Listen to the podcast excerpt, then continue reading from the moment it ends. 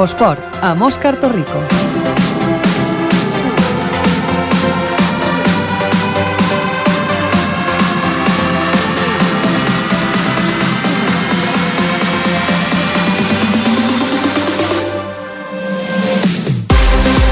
Molt bona tarda, són les 7 i 8 i això és l'Infoesport, el programa de l'actualitat esportiva a Ripollet Ràdio. Com cada dilluns, estem aquí per explicar-vos què ha donat de si al cap de setmana perquè fa a l'esport a Ripollet i els nostres esportistes que han fet en aquest inici de temporada.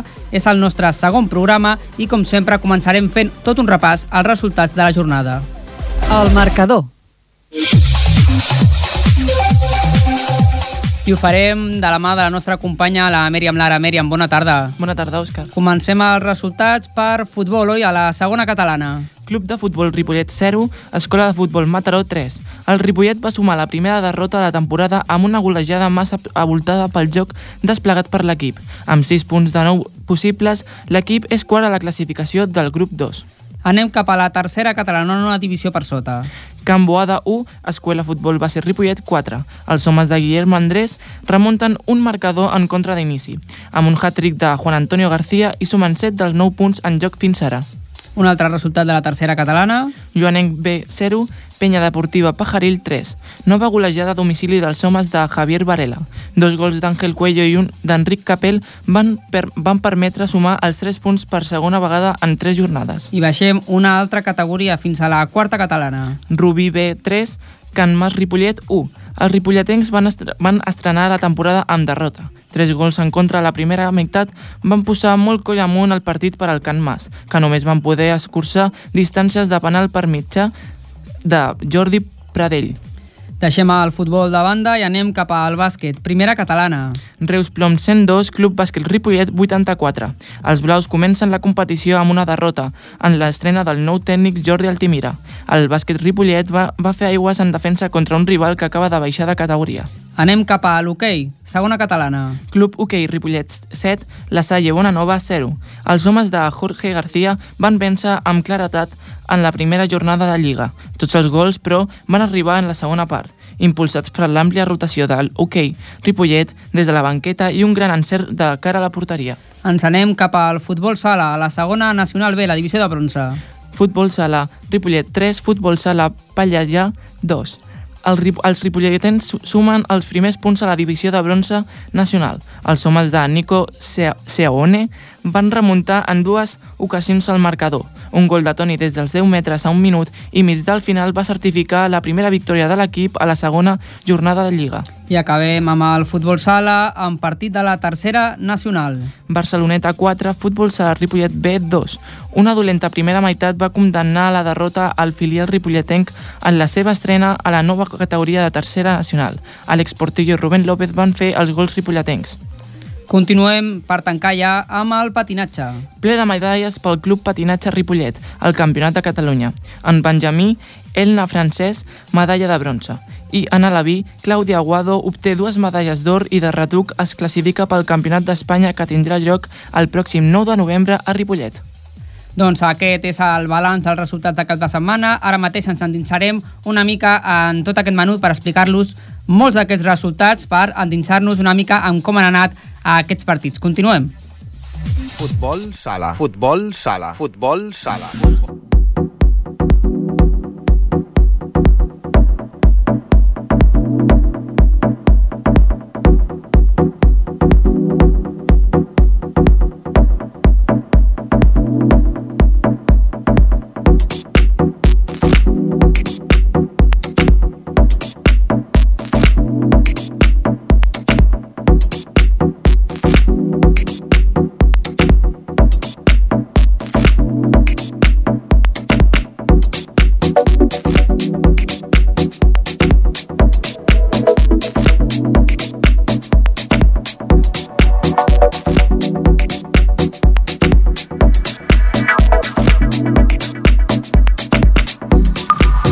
Doncs, com heu escoltat, començarem pel futbol sala aquesta setmana i ho farem amb el partit, amb el segon partit que ha disputat el futbol sala Ripollet a la categoria de bronze estatal a la segona nacional B.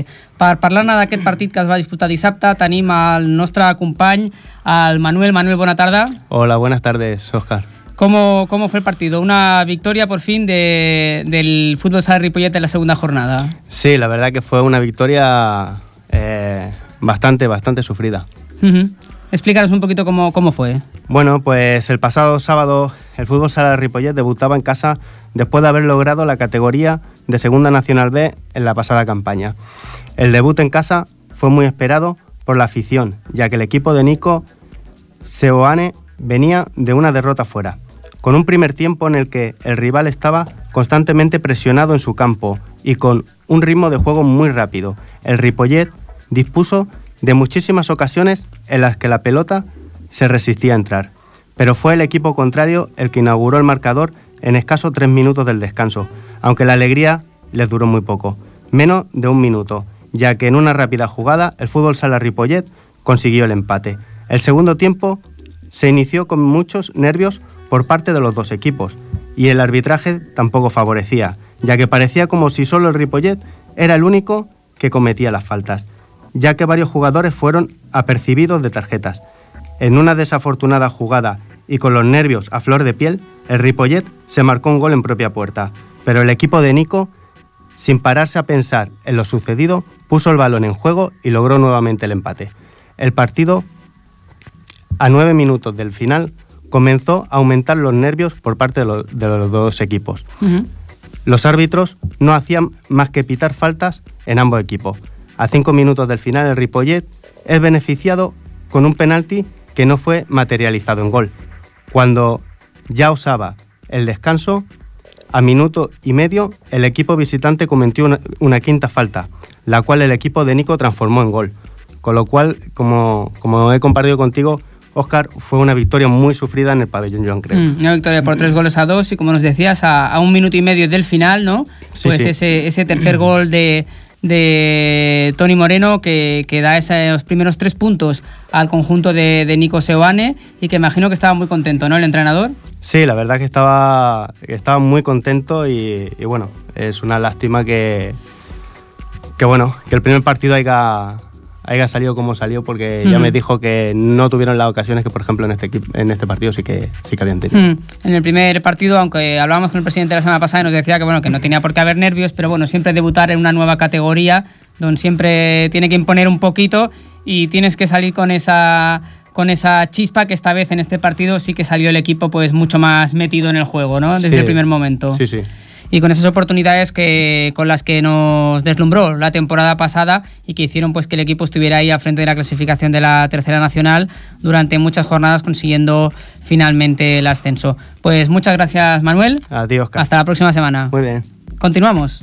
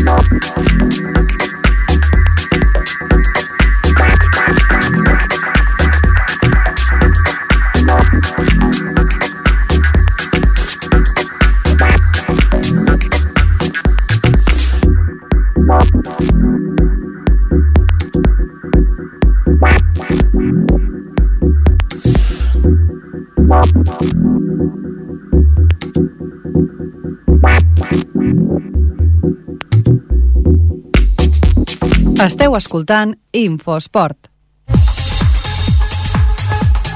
Doncs continuem i seguim amb futbol sala, eh? perquè el Can Clos debutava en aquest passat cap de setmana a la Lliga i ens explicarà com va anar aquest partit el nostre company, el Ferran Rigat. Ferran, bona tarda. Bona tarda, Òscar.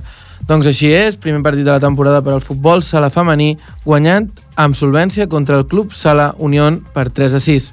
L'equip ripolletenc comença la nova temporada amb, amb, amb Ivan Beas al capdavant de l'equip amb la mateixa forma que va finalitzar la temporada passada. Les noies dominaren des del primer minut el- del partit traduint-se amb un gol de Sonia Blanco, la millor jugadora de la temporada passada. La primera part era totalment ripolletenca i així caigueren dos gols més al minut 5, obra de Marta Villagrassa, i al minut 16 de Clara Llorenç. La Unió no es rendia i dos minuts després del, del tercer gol visitant va pujar al primer, al primer local. Però les jugadores d'Ivan Beas seguien amb el, amb el seu bon- joc, marcant dos gols en menys d'un minut. Ja cap al 30 ja, eh, ja pujava l'últim gol, però la Unió no, eh, no es va acabar de rendir i va marcar dos gols més que van finalitzar amb el 3 a 6 final. Uh, per parlar una mica més sobre el partit, eh, hem trucat a la Clara Llorenç. Bona tarda, Clara. Hola, bona tarda. Bona tarda. Bona tarda. Uh, primera jornada, primer partit i primer resultat. Quines, eh, pri- primer bon resultat. Quines són les sensacions? Bé, bueno, sensacions molt bones, no? Un 3, un 3 a 6 a favor nostre no, no es pot demanar mucha millor a la Lliga. Així que perfecte. Uh, L'any passat estàvem amb el Xavi Peñarando, uh, aquest any veiem que esteu amb l'Ivan Beas, canvi Sí. d'entrenador llavors, no? Sí, canvi d'entrenador i també d'algunes jugadores que se'n van anar, jugadores importants, i, i han, però això hem sabut contrarrestar-ho. Hem fitxat a bones jugadores i sobretot a nivell de tècnic també es nota bastant la mà de, de l'Ivan. Mm. Uh, ja el coneixeu, a l'Ivan? Sí, sí, tant, és el coordinador de femení del club i ja, ja el coneixíem, inclús havia portat a l'equip en altres, en altres anys, que jo no hi era, però, però sí, és el que ja, ja havia estat. Mm. Llavors ja, ja, sap, ja sap com funciona el- el- Sí, sí. l'equip de sobres. Exacte, no, no és molt- nou. Mm. Uh, llavors, veient que s'han anat jugadores importants, a, a aquest canvi d'entrenador, a quin, quin és el repte que es proposa a l'equip? Home, veient les sensacions que hem tingut a pretemporada i ara en aquest inici de Lliga, nosaltres sempre ens proposem estar a dalt, no? lluitar, lluitar per les posicions de, de dalt. L'any passat vam quedar quartes i aquest any en principi mantenim un bloc de jugadores, hem fet algunes altres i amb el canvi d'entrenador en principi també hem de lluitar per estar a dalt. Uh -huh. T'anava a preguntar, Clara, com, com està sent aquesta, aquesta unió d'aquest nou bloc, no? que imagino que s'han de, de reformular una mica les peces del puzzle, no? amb la Sí. marxa de diverses jugadores, i com, com, esteu treballant? Bueno, com, la mateixa dinàmica que l'any passat, perquè va molta, demana molta intensitat, concentració, i com que a nivell de, de bloc sí que és veritat que algunes s'han anat, però, però sí que 6 o 7 seguim, i han vingut 4 o 5 noves i amb la mateixa dinàmica que l'any passat, això no, no ha variat. Uh -huh.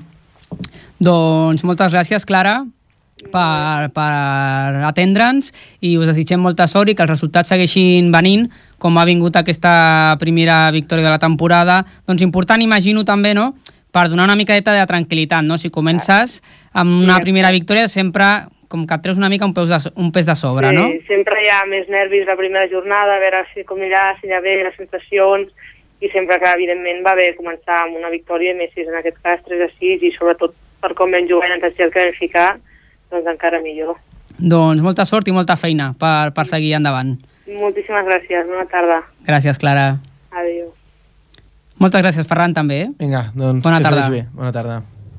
Hockey. Hockey.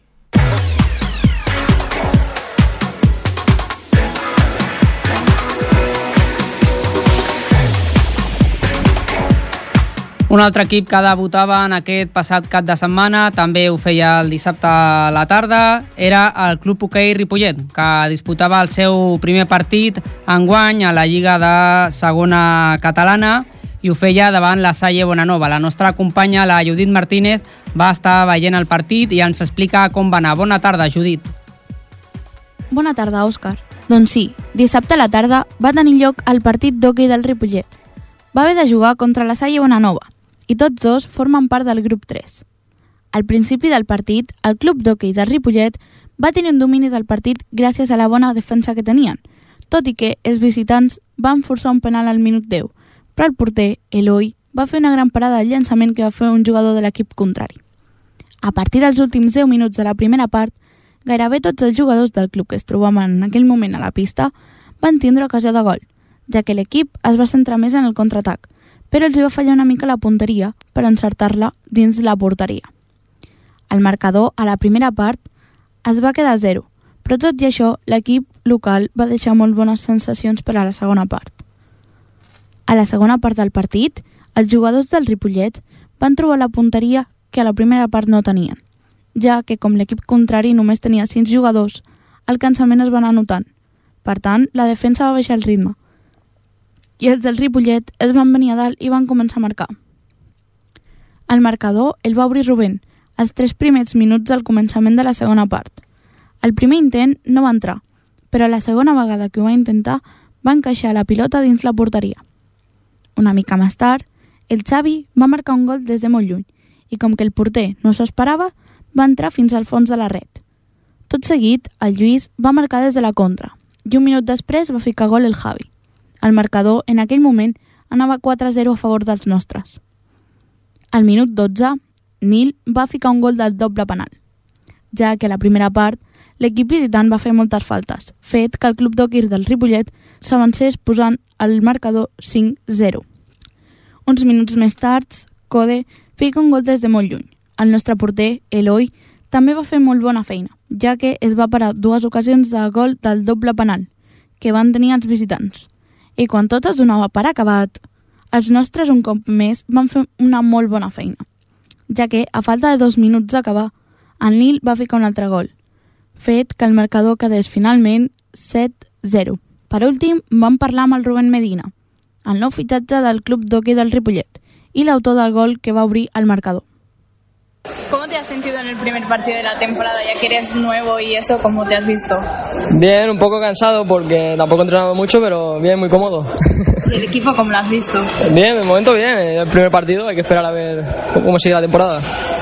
Si han- os habéis podido adaptar bien, ya que no sois nuevos, pues os habéis podido adaptar bien al equipo. y. Sí, hay un buen grupo, buena gente y con eso ya vale. ¿Cuál es el objetivo que tenéis hacia la temporada? El objetivo en principio es subir a primera y, y hasta ahí ya... Y que seáis 13 grupos, en este- o sea, y que seáis 13 equipos en este grupo cuando los demás son 14, 16, ¿lo veis un problema eso? Ninguno, ninguno. Estamos a tope. Eh, ¿Cuál crees que son los rivales más poderosos dentro de tu grupo que puede hacer que, te sea, que os sea más difícil subir? Si te digo la verdad, todavía no me mira la clasificación ni la liga, o sea que no lo sé. No estoy muy metido en el tema todavía. Y bueno, ¿qué sensaciones tienes hacia el final de temporada, ya que os han ido también este partido 7-0, ¿no? 7-0 tranquilamente y a ver el siguiente. Muchas gracias. Muchas gracias a vosotros. La propera jornada serà contra el Sant Just, el proper diumenge al migdia.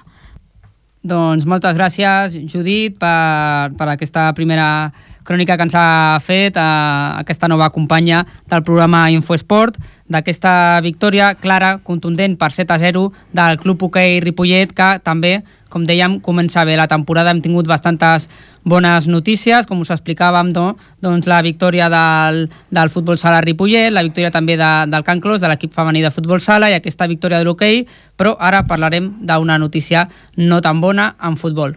Seguim. Futbol, futbol.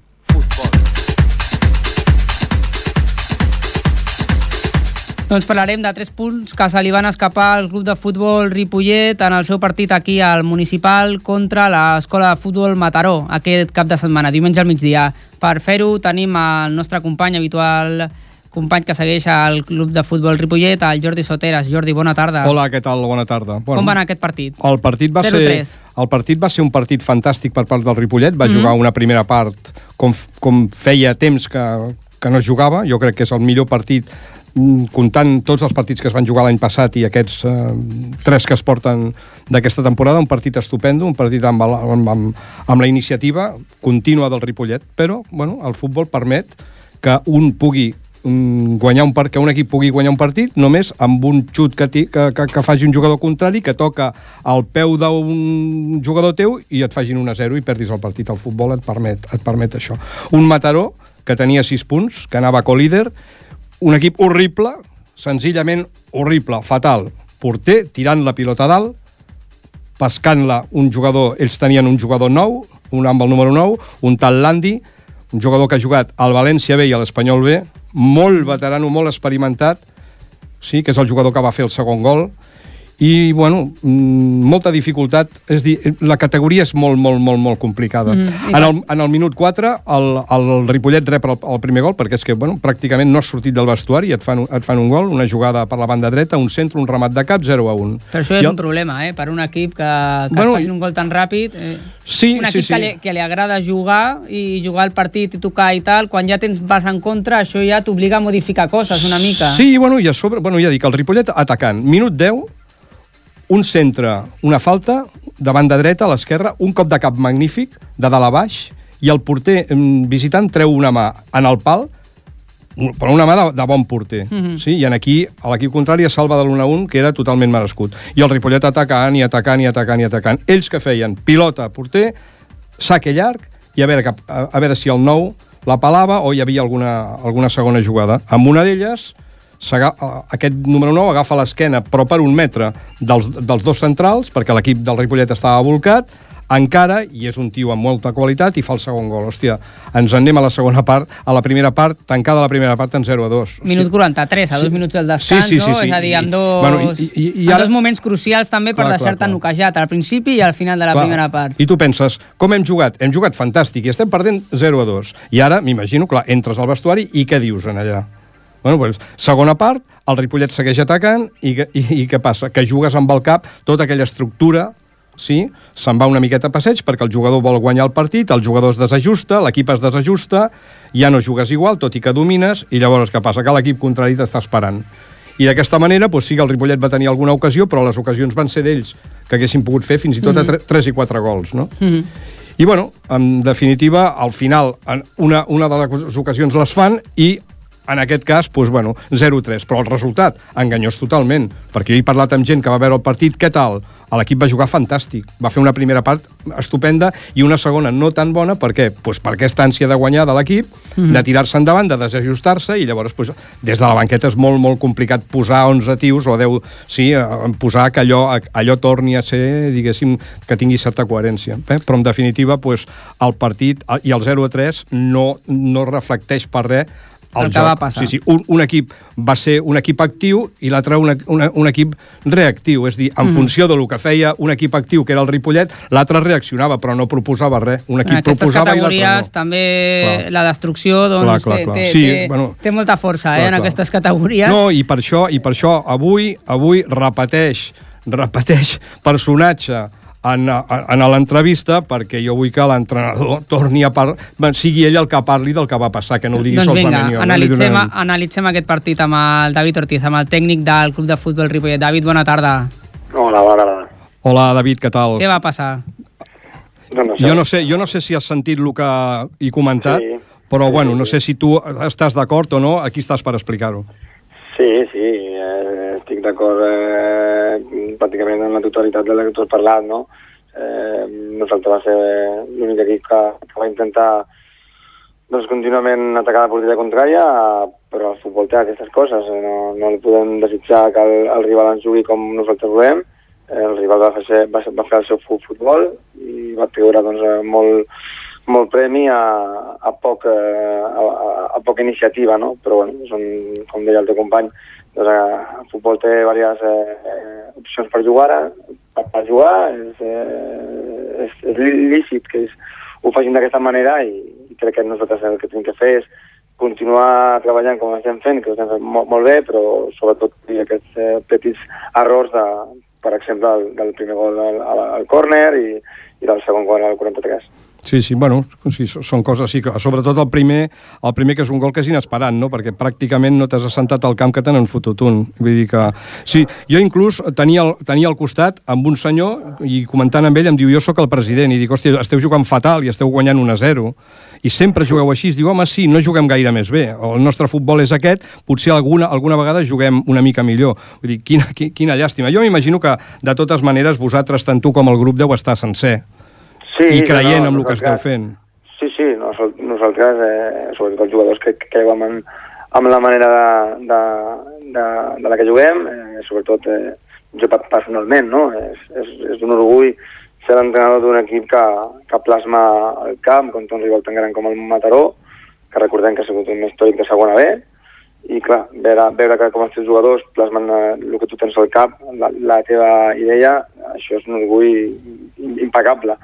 Però bueno, crec que tenim que millorar, encara que, que sí que és veritat que el, la, la xarla o la, el que vam parlar el, el, a la meitat del, del partit doncs, mm. va ser molt, molt fàcil, no? perquè havíem comès només dos errors i tot el més era, eren coses positives. El que passa que, clar, que un rival ja amb 0-2 eh, comença la segona part i no vol jugar i s'estanca i, i es posen dos línies a 5 i només per la contra i tot un ripollet volcat, doncs eh, és difícil, no? I a més a més deixes espais al darrere perquè vols, eh, com a mínim, doncs, ficar-te al partit amb el, amb el primer gol i és, és complicat, no? Però sí que és veritat que, com, com tu dius, jo crec que és la primera, una de les primeres parts eh, més eh, intenses i amb millor futbol que, que jo recordo aquest camp. Mm. Uh, quan, quan tens un partit així que et fan el gol al minut 4 així en, en, en una falla, en un error, doncs eh, a, a, els esquemes te'ls trenquen una mica o, o no varia gaire? És més el que fa l'equip rival el que acaba trencant una mica l'esquema del joc perquè el rival es, potser es tanca més? Sí, clar. Eh, a veure, el primer gol és al minut 3 o 4 i tant ni, ni nosaltres ni el rival canvia molt, no? Eh, el rival continua defensant el seu camp, eh, i nosaltres eh, pràcticament el, amb la, la, la totalitat de la pilota, amb moltes accions, eh, crec que vam anar al meu company que, que vam fer doncs, fins i tot eh, 20 arribades a l'àrea i 12 finalitzacions, el que passa que avui, no, m'hi he dit ahir, no, no vam entrar, i, i, però jo, jo crec que l'important és, és fer-les, no? Que sí que és veritat que, que sí que et canvia quan el rival és la segona part i veus que totalment no vol la pilota i totalment descansarà aquest 0-2, sí que que vam canviar, nosaltres vam, vam acabar jugant amb, amb dos davanters, amb, amb tres defensors, amb, amb gent per fora, però clar, és, molt, és molt complicat i, i bueno, així va ser. Sí, és complicat i a més a més el camp, la veritat és que ample no ho és massa. Vull dir, l'amplada del camp no afavoreix obrir-lo. Bueno, això, no, això no, no té que ser una excusa. Bueno, bueno, però, però, però és dir, si el camp té dos metres més per banda, és evident que tu portaràs molt més, molt més a la banda, amb, amb tios oberts als laterals, i trobaràs passillos interiors. Sí, I si el lateral sí, Jordi, no però... decideix anar que tanca, aquest tio el trobaràs lliure a la banda, no? Sí, Jordi, però jo sóc del que penso que que coses que no, pots, que no pots modificar. Ah, no, no, no, això està més clar que l'aigua. Aquest condicionant no, no, ja està de base. Exacte. No, no, això està clar, és, que... és lo que hi ha, que diu aquell. No? Exacte, nosaltres tenim que, tenim que perdre el temps amb, amb, amb coses que sí que podem canviar i que sí que podem mirar, com és això, no? Crec que som un equip doncs, amb una solidesa defensiva molt gran, fins, fins ahir, perquè ha sigut una, una mica on la pretemporada molt compacta i, i que s'han fet molts, poc, molt, poc, pocs gols, fins ara ens havíem fet una de Lliga, i crec que, bueno, no, que, que són circumstàncies del partit, circumstàncies de, de una, una mica de, de mala sort i, i bueno, crec que, que això ens ajudarà a créixer perquè crec que, que ens necessitarà molt a créixer i els errors ens ajudaran doncs, a, a ser més forts encara. Ah, escolta, hi ha, una, hi ha una dita que diu després de visto todo el mundo es listo, no? Vull dir, mm. ara podríem aquí dir... Mm. Eh, jo vaig trobar a faltar un jugador, que és evident mm. que jo no estic al vestuari ni sé de què va, però jo trobo que ahir el Guti us hagués pogut donar alguna trobo jo. Jo no sé si està, no està bé o no està, està mig lesionat, no, no sé. No, Guti està perfectament està bé. perfecte, molt bé. Que, crec que, que, que els 11 eh, jugadors que van sortir al, a la primera part i els i els que van ser su les substituïts eh, i van entrar uns altres, crec que ho van fer molt bé, igual que ho va, ho va fer el, el Guti, no? que crec que són decisions tècniques, i crec que, que, bueno, que el Guti està per ens, ens ajudarà molt i en tot el que queda de temporada i, i ho demostrarà. Per mi, Ivan Serrano, l'Edgar Barón i el Gonzalo de Melo, sobretot l'Ivan Serrano, fantàstics. Sí, sí, jo crec que tot, tot, tot l'equip, no? Jo crec que un equip no són tres jugadors, crec que, que Franco va ser un gran partit, per mi va fer eh, un lateral que, que, que arriba a porteria 10 cops, és molt difícil, no? L'Edgar ja ens ha acostumat, però Franco és nou, no? Lalo i, i Ivan Serrano tenen aquesta capacitat, no?, per la seva experiència. Eh, crec que un jugador que està creixent moltíssim és, és Héctor, mm -hmm. perquè, perquè ens, ens dona una mica més de, de, de amb el joc, i sobretot per, per, per les bandes o per mig amb en Borja o, o Javi a dalt, el Carlos Alberto, que debutava al camp, doncs crec que, crec que tot l'equip ho va fer molt bé, però tenim que fer-ho millor perquè un 0-3 és un 0-3 i, i els 3 punts s'han quedat a, s'han anat cap, cap a Mataró i, i bueno, eh, és la jornada del 3, no passa res, però tenim que, que continuar. Jo fonamentalment, bueno, t'ho comentava abans, he volgut que vinguessis més que res perquè la gent és molt fàcil, sobretot el que no va, el que no va estar en el camp, i sí que volia que tu tinguessis la possibilitat d'explicar una miqueta tot això a banda, a banda del que he dit jo, no? Perquè Sí, el, no. partit, el partit va ser un, el resultat va ser un, va ser un altre i no té res a veure. D'aquí que... No, no, no té res a veure, però el resultat és el que és, el futbol Ah, no, no, no, això sí, bueno, però sí que és El bo que la gent això. entengui què va Nosaltres passar. com a entrenadors, nosaltres com a entrenadors i com a cos tècnic eh, valorem i, i avui ens reunim i ens, nosaltres valorem el treball, les coses que tenim que, que modificar o que, que perfeccionar, però resultat és el que és i tenim que, que aprendre d'aquests errors i, i anar al Camp del Carmel, un camp molt petit, un camp molt complicat, Molt petit i complicat. doncs, a, Sí, a sí, sí. intentar doncs, a aconseguir eh, fer positiu aquest viatge i fer, fer, intentar els tres punts si, si, si, si pot ser. Però, de, de, de, fet, de fet, des d'aquí sempre el que s'ha de fer és animar, tu. Que, Exacte. que tirar-ho per terra és molt fàcil i construir, que és el que esteu fent vosaltres, és molt, molt complicat i Però difícil. entens, entens que algú tingui alguna mica de, de por després de la temporada passada, que al final doncs, la cosa no va acabar de quallar, entens una mica les pors o no? O bueno, No, penses que per una, per una ensopegada tampoc, mm, vull dir, No, no s'ha de fer un, un llibre, no, d'això? No, però jo crec, crec que ni per una ensopegada com la d'avui ni crec que es, eh, no es valora la temporada passada tal, tal com, com, com va ser, no? Mhm. Nosaltres vam ser l'equip, eh, el segon equip més eh, jove de tota la categoria, amb un grup molt complicat, i fins als últims quatre partits vam tindre opcions matemàtiques de, de pujar de categoria, no?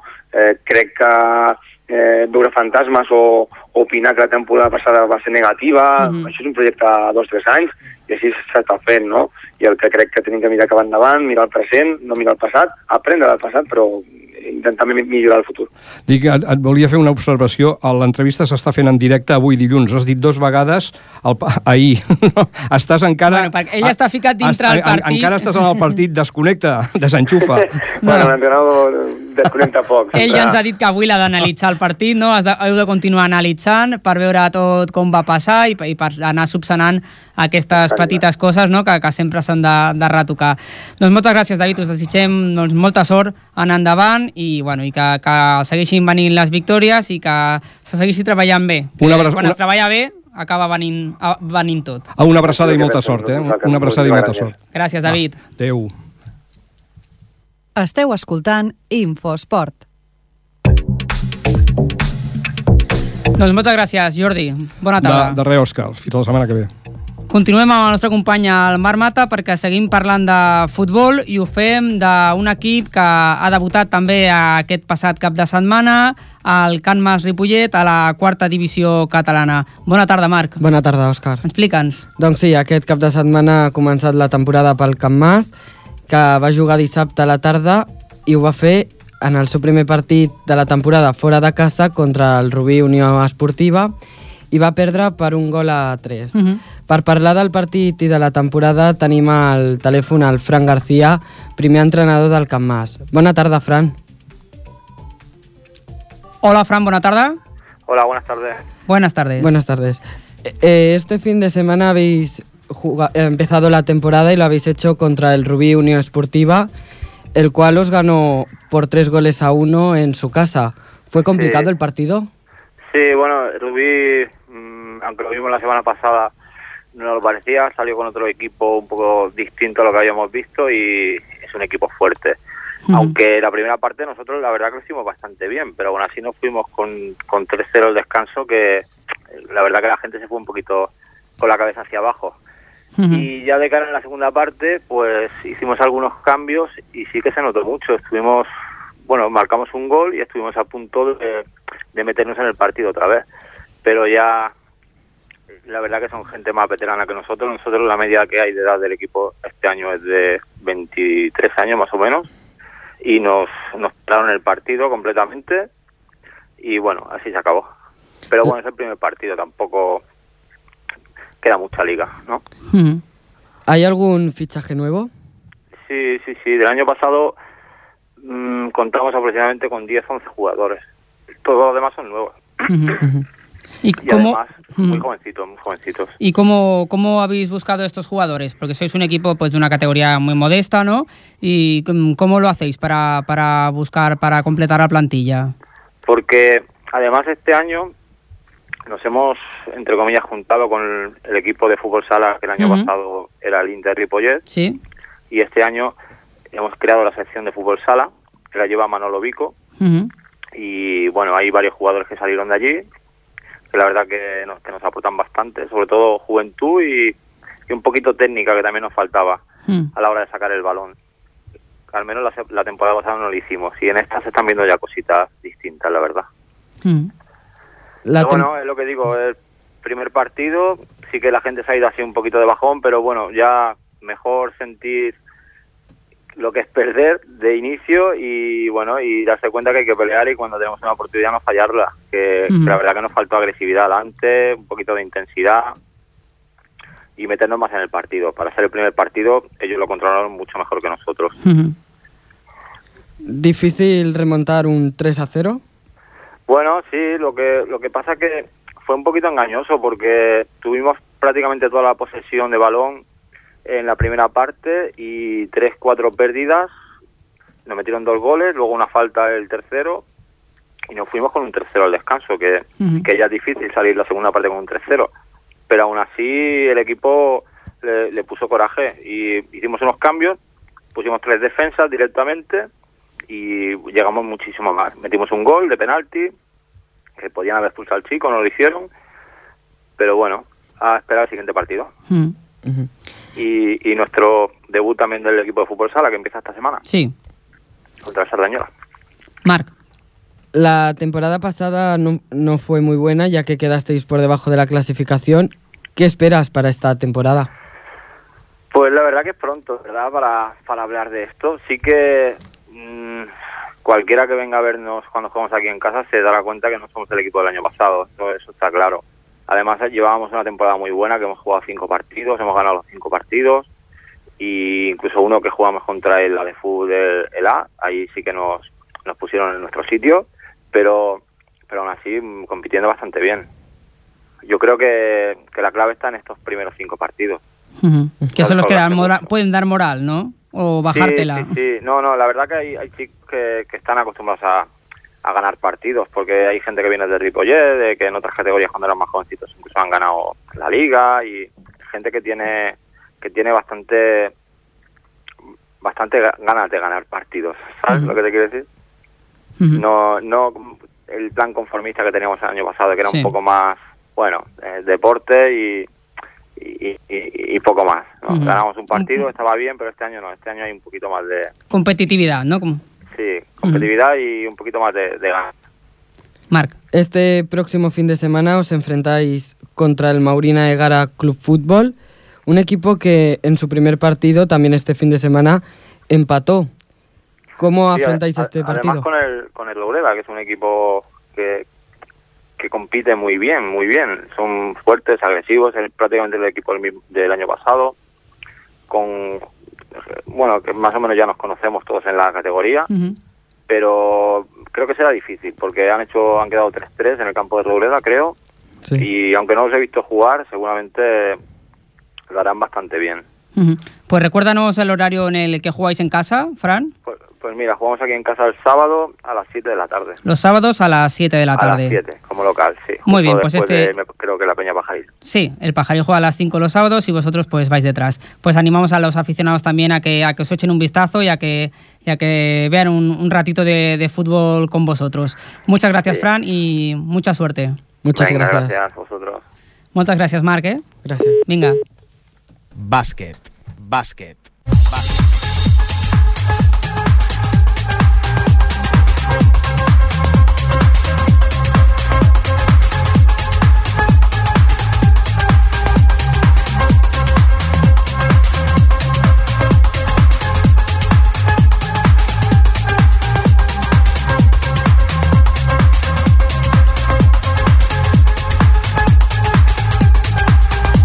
Doncs continuem, com escolteu, amb el bàsquet i per fer-ho tenim a un habitual també d'aquest esport entre els nostres companys, l'Ester Catalana. Ester, bona tarda. Bona tarda, Òscar. Ens parlaràs del primer partit de la temporada del Club Bàsquet Ripollet, oi? Doncs sí, com ja hem dit abans, derrota del Ripollet a casa del Plom Reus.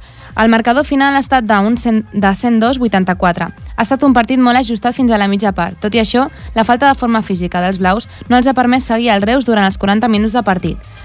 Tal com s'esperava, els de casa han començat amb ganes el primer partit de Lliga. El bon encert de Manel amb 5 triples de 6,75 ha permès una primera part molt disputada i un final del segon quart igualat a 44 punts. La mitja part, però, no afavoreix els a casa. El tercer quart comença amb bones transicions en atac per part del Reus i una mala defensa del Ripollet. Això fa que els dos equips es distanciïn al marcador. Els blaus, com de costum en aquestes situacions, es precipiten en atac i deixen de treballar tot el que havien treballat a la primera mitja part. Es finalitza el tercer quart amb una diferència de 9 punts. Als darrers 10 minuts, els blaus no arriben a la intensitat necessària. El Reus aprofita per fer contraatacs fàcils i sentenciar el partit amb una diferència de 18 punts. Víctor Díaz, pívot del Ripollet, fa referència a la pretemporada per justificar la baixa forma física de l'equip. Víctor.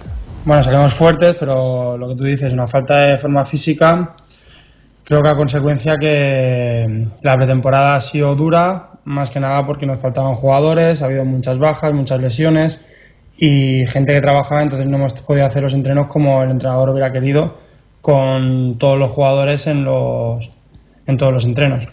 Así que eso yo creo que ha sido la falta de intensidad de la segunda parte. De totes maneres, cal recordar que el Reus és un equip que acaba de baixar de Copa i que només ha estat el primer partit de Lliga. Encara queda tota la temporada per poder veure què ens poden oferir els jugadors del Jordi Altimira. El proper partit es disputarà aquest diumenge 28 a casa contra el Verduna Gràcia. Doncs sí, la veritat és que és el primer partit de la temporada i que els jugadors doncs, s'han doncs, d'anar posant a punt. Hi ha un, amb un equip contra, com el Plom Reus, no? que, que venia de la Copa Catalunya, uh -huh. que és una categoria doncs, ja important, amb una certa competitivitat, no? i és un equip doncs, difícil. Tenien una, un difícil sí, sí. inici de temporada, la veritat, sobretot mm, per no arribar en, en un punt de, de forma òptim, no? com ens ha explicat el, el Víctor. Han i... tingut poca pretemporada, han faltat molts jo crec mm. que ha mm. sigut el punt clau. A més a més, això han començat amb un equip molt difícil. No han començat amb algú de la part baixa de la classificació, sinó amb un equip que ha baixat de Copa, però estava a Copa, vull dir, una categoria mm -hmm. més alta. Mm -hmm. Ja ens ho va comentar el Jordi Altimira, el nou entrenador de, de l'equip la setmana passada, doncs, que arribaven justets i amb aquest rival doncs, s'ha demostrat que, que s'ha de seguir treballant. No ha estat un bon inici per, a la banqueta per Jordi Altimira, però li desitgem doncs, molta sort en els següents partits i que l'equip doncs, vagi remuntant i pujant posicions a la classificació també. Doncs, doncs sí. moltes gràcies, Esther. Gràcies. Bona tarda. Bona tarda. Tenis. Tenis. Tenis.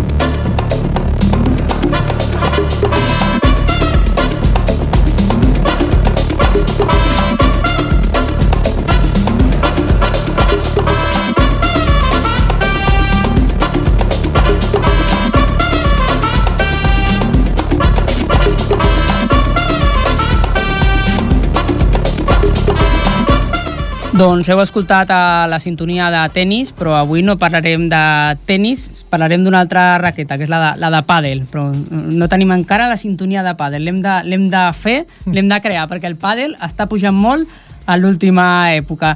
Per parlar d'una informació de pàdel, a més d'actualitat d'aquest darrer cap de setmana, tinc aquí al meu costat el company Brian Calvo. Brian, bona tarda. Bona tarda, Òscar. Què ens expliques d'aquest cap de setmana amb el pàdel aquí a Ripollet? Doncs aquest cap de setmana s'ha disputat la, el torneig de les dues 12 hores nocturnes del, de pàdel. Amb nosaltres tenim el president del Club Tenis Ripollet, que és el Fernando Moya. Fernando, bona tarda. Bona tarda. Doncs, com he dit, s'ha disputat aquest darrer cap de setmana el torneig. Eh, Digue'ns com ha anat, qui, quins, quins han sigut els guanyadors. Mira, han sigut, bueno, hem fet el formato com fem cada any las 24 horas de tenis. Hacemos, hacemos ocho grupos, hacemos grupos de ocho parejas, para, por el tema de espacio no podíamos hacer más por el tiempo y la limitación de pista que teníamos de cuatro pistas. Y bueno, y, se, y había un tope de 32 parejas. Se, hicieron, se realizaron cuatro grupos de ocho parejas y ganó la pareja número, la número 3 que ganaron 36 partidos contra la 2 que ganaron 28. Es decir, se realizaron un total de 94 partidos y fue el éxito total. Es hubo gente que se quedó por, por jugar porque por espacio no podíamos meter más parejas y por horarios.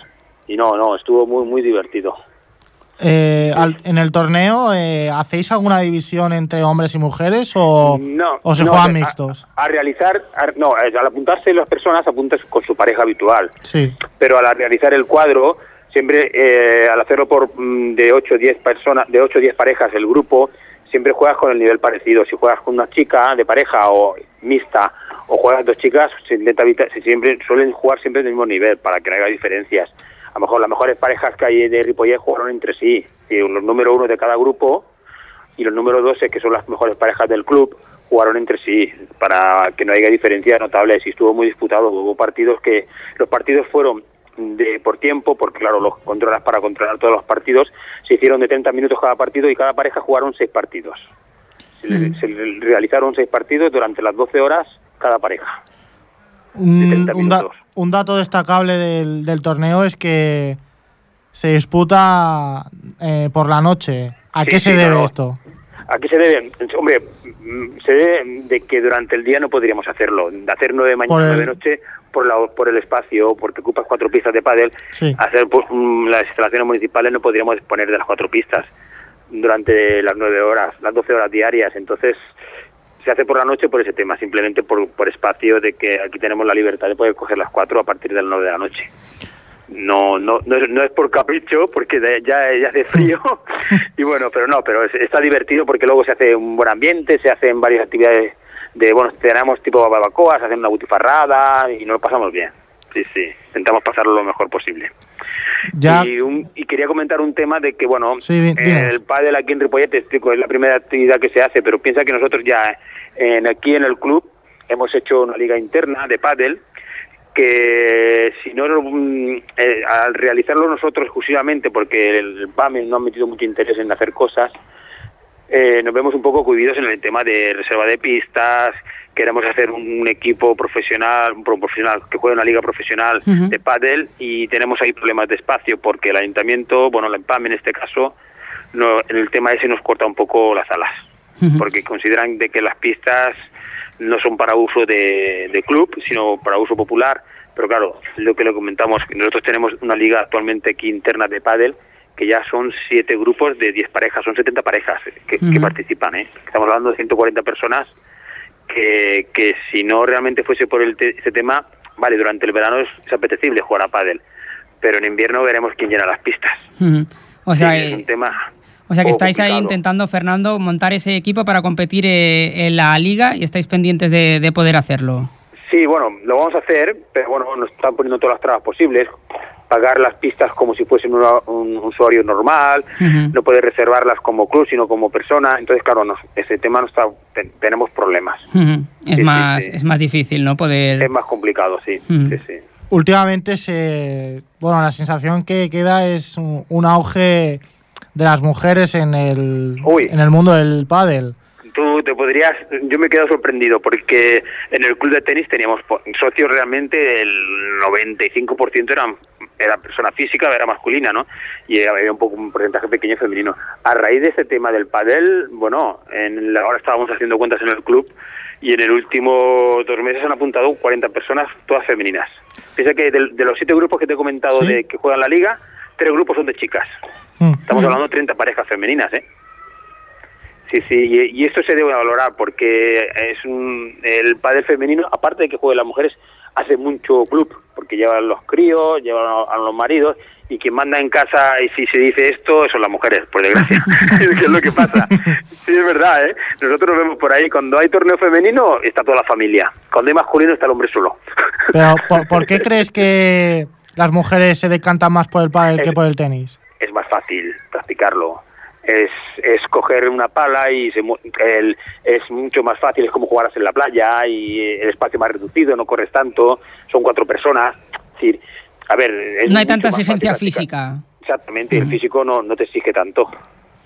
Pues muchas gracias, Fernando, y bueno, deseamos que, que, bueno que podáis subsanar estas pequeñas discrepancias con el PAME, ¿no? Y que yo creo que, que el PAME y la Regidoría de Deportes, pues siempre han sido proclives a, a ayudar a las entidades y seguro que, en que encontráis un punto de encuentro en el que se puede seguir potenciando el pádel junto al tenis, ¿no? Porque el tenis, Sí, el sí. club de tenis va a seguir haciendo tenis, ¿no? Sí. También. No, el tenis no tiene nada que ver con el pádel. De momento ahí estamos bien. Eh, en, en cuanto, en cuanto al tenis, ¿qué objetivo se marca el club para esta temporada? Mira, ahora est- estamos empezando las ligas, eh, la Liga Comarcal de, de Cataluña, y ha empezado esta semana pasada, hemos jugado ya el más 18 el A y el B. El Sí. B perdió y el, A- el- el A ganó en el campeón del año pasado. Este año se han reforzado bastante los equipos, hemos hecho algún fichaje bastante interesante a nivel de tenis. Siguen el A y el B, ¿no? Sí, sí. y más 50 ganaron en el Olsa de Montserrat también. Y esta semana participan más 40 y otra vez los, los más 18. No, bien, el tenis yo creo que... Y tenemos una escuela base importante. Mm. El tenis, si no pasa nada, tenemos tenis para muchos años. Muy bien, pues ojalá que sea así y que se vaya sumando el pádel también y, la entidad pues siga teniendo todo, todo ese potencial. Pues nada, os seguimos y nos explicáis también los resultados cada semana para poder explicarlos. Muchas gracias, Fernando. Venga, Buenas tardes, hasta luego. Hasta luego. Adéu. Moltes gràcies, Brian. A tu, Òscar. Doncs amb això acabem aquest programa que bueno, l'hem tingut molt carregat amb molts temes, amb moltes victòries que s'han aconseguit aquest passat eh, cap de setmana i també amb alguna decepció, però segur que al llarg de la temporada doncs, podem eh, explicar-vos i podreu escoltar doncs, moltes coses positives dels equips de Ripollet que ja, com escolteu, doncs, comencen tots a disputar les seves competicions de Lliga. Ho deixem aquí. El proper dilluns a partir de les 7 de la tarda tornarem a ser aquí amb tots vosaltres amb l'Infoesport, amb el programa de l'actualitat esportiva aquí, a Ripollet Ràdio. Molt bona setmana, fins dilluns.